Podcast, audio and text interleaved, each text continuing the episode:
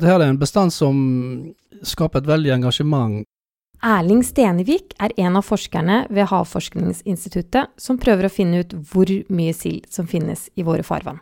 Dette er TechFisk, podkasten om teknologi og forskning i sjømatnæringa. Mitt navn er Kjersti Kvile, og nå skal du få høre mer om hvordan forskerne kommer fram til kvoterådene, som til tider kan være temmelig omstridte. Erling Stenvik, du er bestandsansvarlig for NVG-sild på eh, Havforskningsinstituttet. Ja.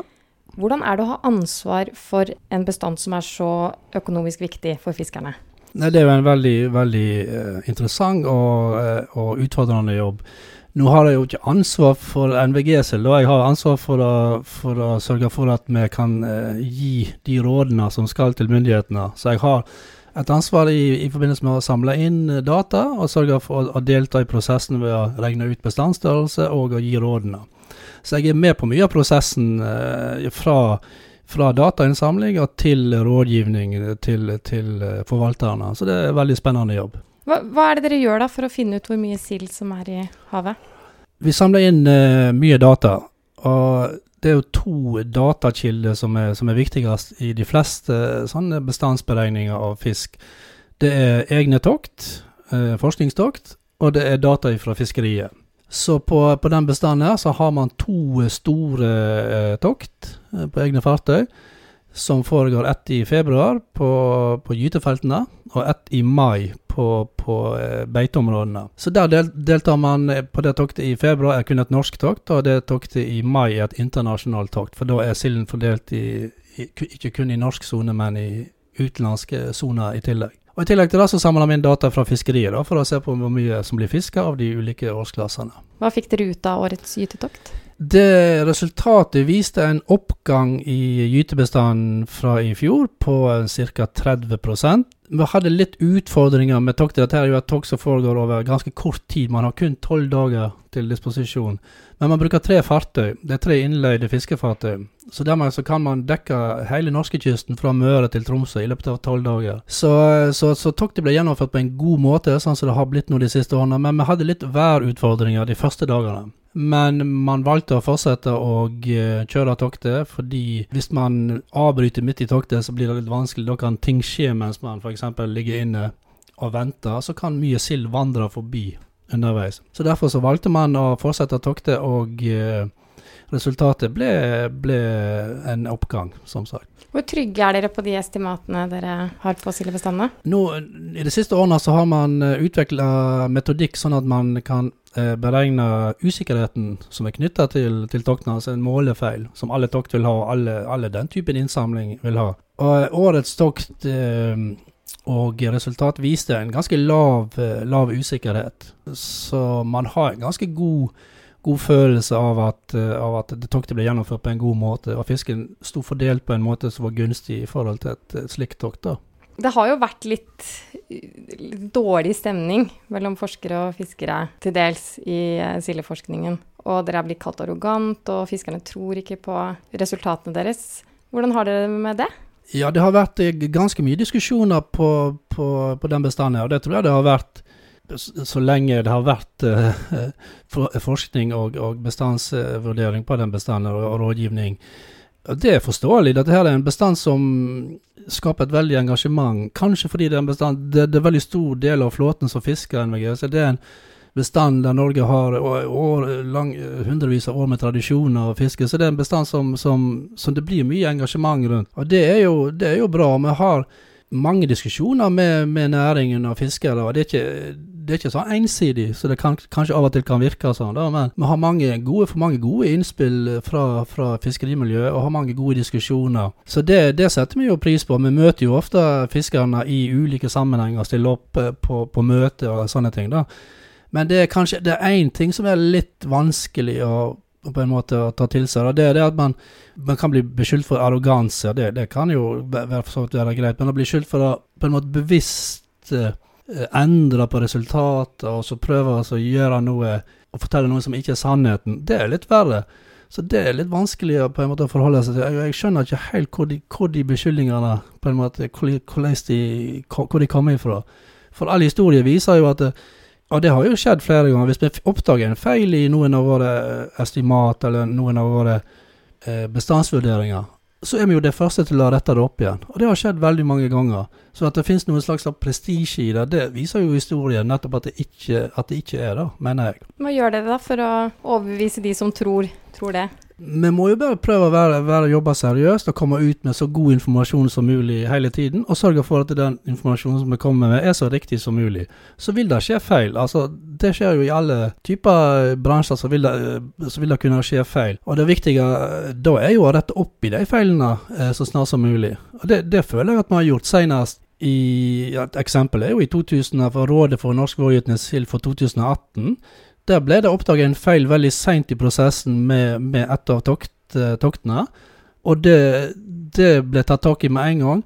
Og faktisk i forhandlingssituasjonen, når, når myndighetene satt og forhandla med andre land, så kom det et nytt, eller beskjed fra ICS, Det internasjonale havforskningsrådet, om at rådet var feil, og de trakk rådet. Så det skapte jo selvfølgelig en veldig vanskelig situasjon for mange. Men det viser jo nettopp da at hvis, hvis man oppdager en feil, så blir det tatt tak i. Og det blir rydda opp i, og man kommer et nytt råd da, eh, i løpet av noen uker seinere.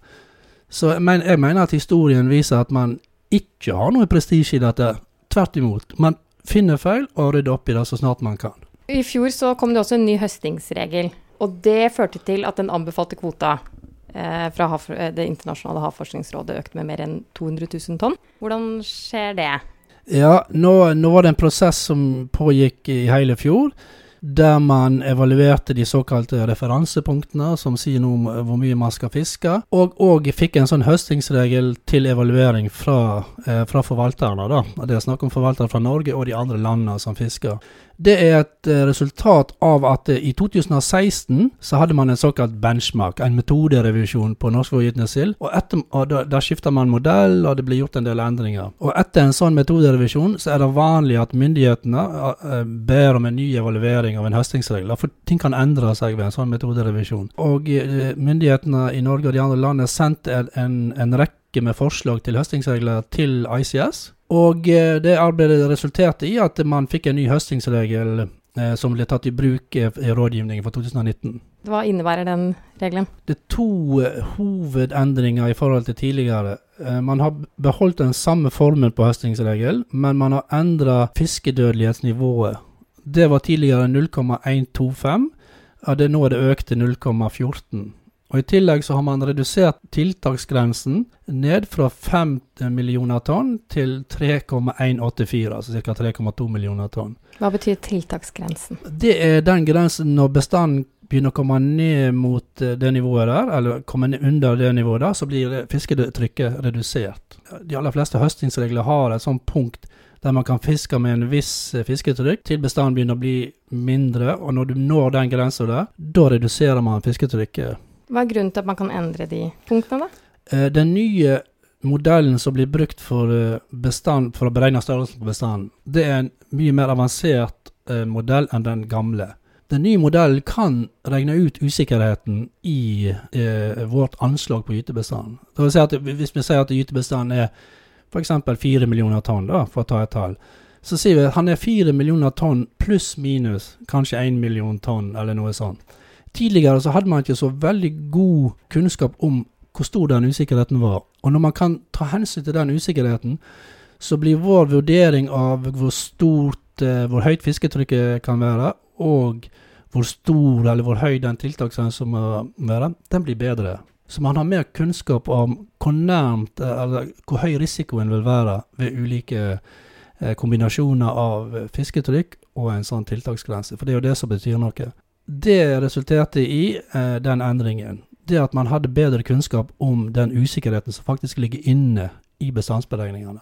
Kyststatene har jo i flere år fiska til sammen mer enn det forskerne har rådet. Det har kanskje ikke vært så farlig det, da, eller? I de evalueringene her så, så, så tar man aldri hensyn til, til, det som skjer etter rådet er gitt. For det er jo helt umulig å forutse hva, hva kyststatene vil, vil, vil, sette seg av, av kvoter. Men uh, fiske, det fisket som har vært de siste årene, har ligget over det som, som er anbefalingene ifra, ifra uh, ICS. Og fra fisket i 2017 ligger òg over den nye fiskedødeligheten på 0,14. Så det er jo klart det er høyere, et høyere uttak enn det som til og med den nye høstingsregelen ville gitt. Er det bekymringsverdig, da? På sikt så, så, så det, det, er jo en grunn til at de høstingsreglene er sånn som de er. Uh, og, og det her med, dette her er jo veldig komplisert. Uh, fordi det er politikk involvert og mange, mange interesser som jeg ikke kommer, kan gå inn på. Men på sikt så vil jo selvfølgelig et fiske utover det som høstingsregelen gir, kunne medføre en, en, mye høyere risiko for at bestanden blir lavere enn det man ønsker. Da. Kvoterådene, jeg så på de fra 2013 og frem til i dag, de har jo svingt veldig mye fra år til år. Hvilket ansvar har dere forskere for den forutsigbarheten som fiskerne ønsker seg? Det har vært, eh, det har vært store svingninger, og eh, kanskje eh, hvis du går litt tilbake, lenger tilbake i tid enn det du sa nå, så har det vært eh, enda større svingninger. Litt av eh, grunnen til de svingningene er at eh, den tidligere høstingsregelen den inneholdt ikke noen begrensninger i hvor mye kvoten kan endre seg fra år til år. Man vet jo da at, at, at ting endrer seg, og eh, toktene kan hoppe litt opp og ned, for det er usikkerhet knytta til alt dette her. Men for å, for å få litt mer forutsigbarhet inn i fiskeriet, så har man ofte hatt sånne grenser på at du skal kunne maks øke kvoten med 25% oppover og 20% nedover, f.eks. I år, eh, i den nye høstingsregelen, så ligger det òg en sånn eh, grense inne for norskvårgytende sild. Det vil si at eh, framover så vil du kunne begrense de svingningene med den nye høstingsregelen. Så så lenge bestanden er over et visst nivå, når den blir altfor lav selvfølgelig, så, så tillater man ikke de begrensningene. Men når bestanden er over et, eh, et, eh, nivå, så vil da kunne kvoten svinge maks 25% oppover og maks 20 nedover fra et år til et annet. Og det er en sannsynligvis det vil jo medføre mye, en større grad av forutsigbarhet i, i kvotene. Da. For de hoppene som har vært tidligere, har vært større enn 25% De har vært oppe i 30, over 30% fra et år til et annet. Og det vil du jo eh, i stor grad unngå nå. I hvor god forfatning er NVG-silda? Den har vært nedadgående i, siden 2009. Fiske, fiskeriet har vært eh, begrenset. Man har hatt en fiskedødelighet som har vært relativt lavt, selv om man nå kanskje har hatt en, en økning i senere år. Men det skyldes først og fremst en, en, lavere rekruttering. Siden 2004 var den siste store årsklassen. Nå har det kommet inn uh, litt fisk fra 2013 som har bremsa den utviklingen, så uh, prognosen for på en måte ett år eller to fram er en en grad av stabilisering av bestanden. Eh, så vet man i tillegg at eh, foreløpige målinger av 2016-årsklassen, som er nå tre år i år, er lovende da, fra Barentshavet. Det er jo en, dette er jo en bestand som vokser opp i Barentshavet, og som flytter seg ut i Norskehavet og, og kun blir tilgjengelig for fiskeri eh, etter mange år. Altså Det er en minimumsgrense, eh, minstemål på 25 cm. Så de data man har på, på de små årsklassene, er litt usikre før de kommer ut i Norskehavet. Men i år Eh, så, så, kan man kanskje forvente å se den 2016-årsklassen litt mer ute i Norskehavet. Altså det toktet man skal ha som begynner nå i neste uke, i mai, maitoktet, det blir veldig spennende for å følge den årsklassen. For uh, det er ting som tyder på at 2016-årsklassen er den høyeste man har hatt siden 2004. Da. Men hvor stor den er, den, det er litt tidlig å si ennå. Hvordan eh, vil sildeforskningen være utvikles fremover, da? Nei, det er jo veldig vanskelig å spå, spesielt om fremtiden. Men det, det, er mye som skjer nå. I årets maitokt uh, så tar man i bruk eh, teknologi for å, for å for prøve å forbedre toktestimeringen i toktene. Man, skal, man bruker sonar det, det, har man jo gjort noe nå, så det er jo ikke noe nytt. da, Men det er, det er en økt fokus på bruk av sonar for å teste sonaren mot ekkoladet. For å finne ut om det er ting man ikke observerer med ekkoladet, men som kan observeres med sonar. I tillegg har, oss, har vi med oss et system som heter Deep Vision det er et kamerasystem som blir montert på trålen, som man bruker til å faktisk ta bilde av det som kommer inn i trålen. Det er jo litt av problemet. Når man ser noe akustisk, så ser man bare noe rødt og grønt. Man vet ikke hva fisk det er automatisk, så der bruker man trål. Og det kan være veldig vanskelig å vite om man treffer nøyaktig de rette registreringene. Men med Deep Vision så er jo tanken at man skal kunne forbedre den muligheten man har til å gi eh, de akustiske registreringene til riktig art. Så det blir jo spennende. Det er noe man har holdt på med nå eh, et par år. Og i fjor og i år så, så blir det da på en måte en slags eh, test på om det kan implementeres eller brukes i toktet rutinemessig. Lykke til med tokt i mai. Takk for det. Du har nå hørt på Tekfisk, podkasten om teknologi og forskning i sjømatnæringa. 18.6 har vi live innspilling av podkasten vår på Verftet i Bergen. Her er temaet Fremtidens havbruk, og du finner mer informasjon ved å søke opp Fremtidens havbruk på Facebook.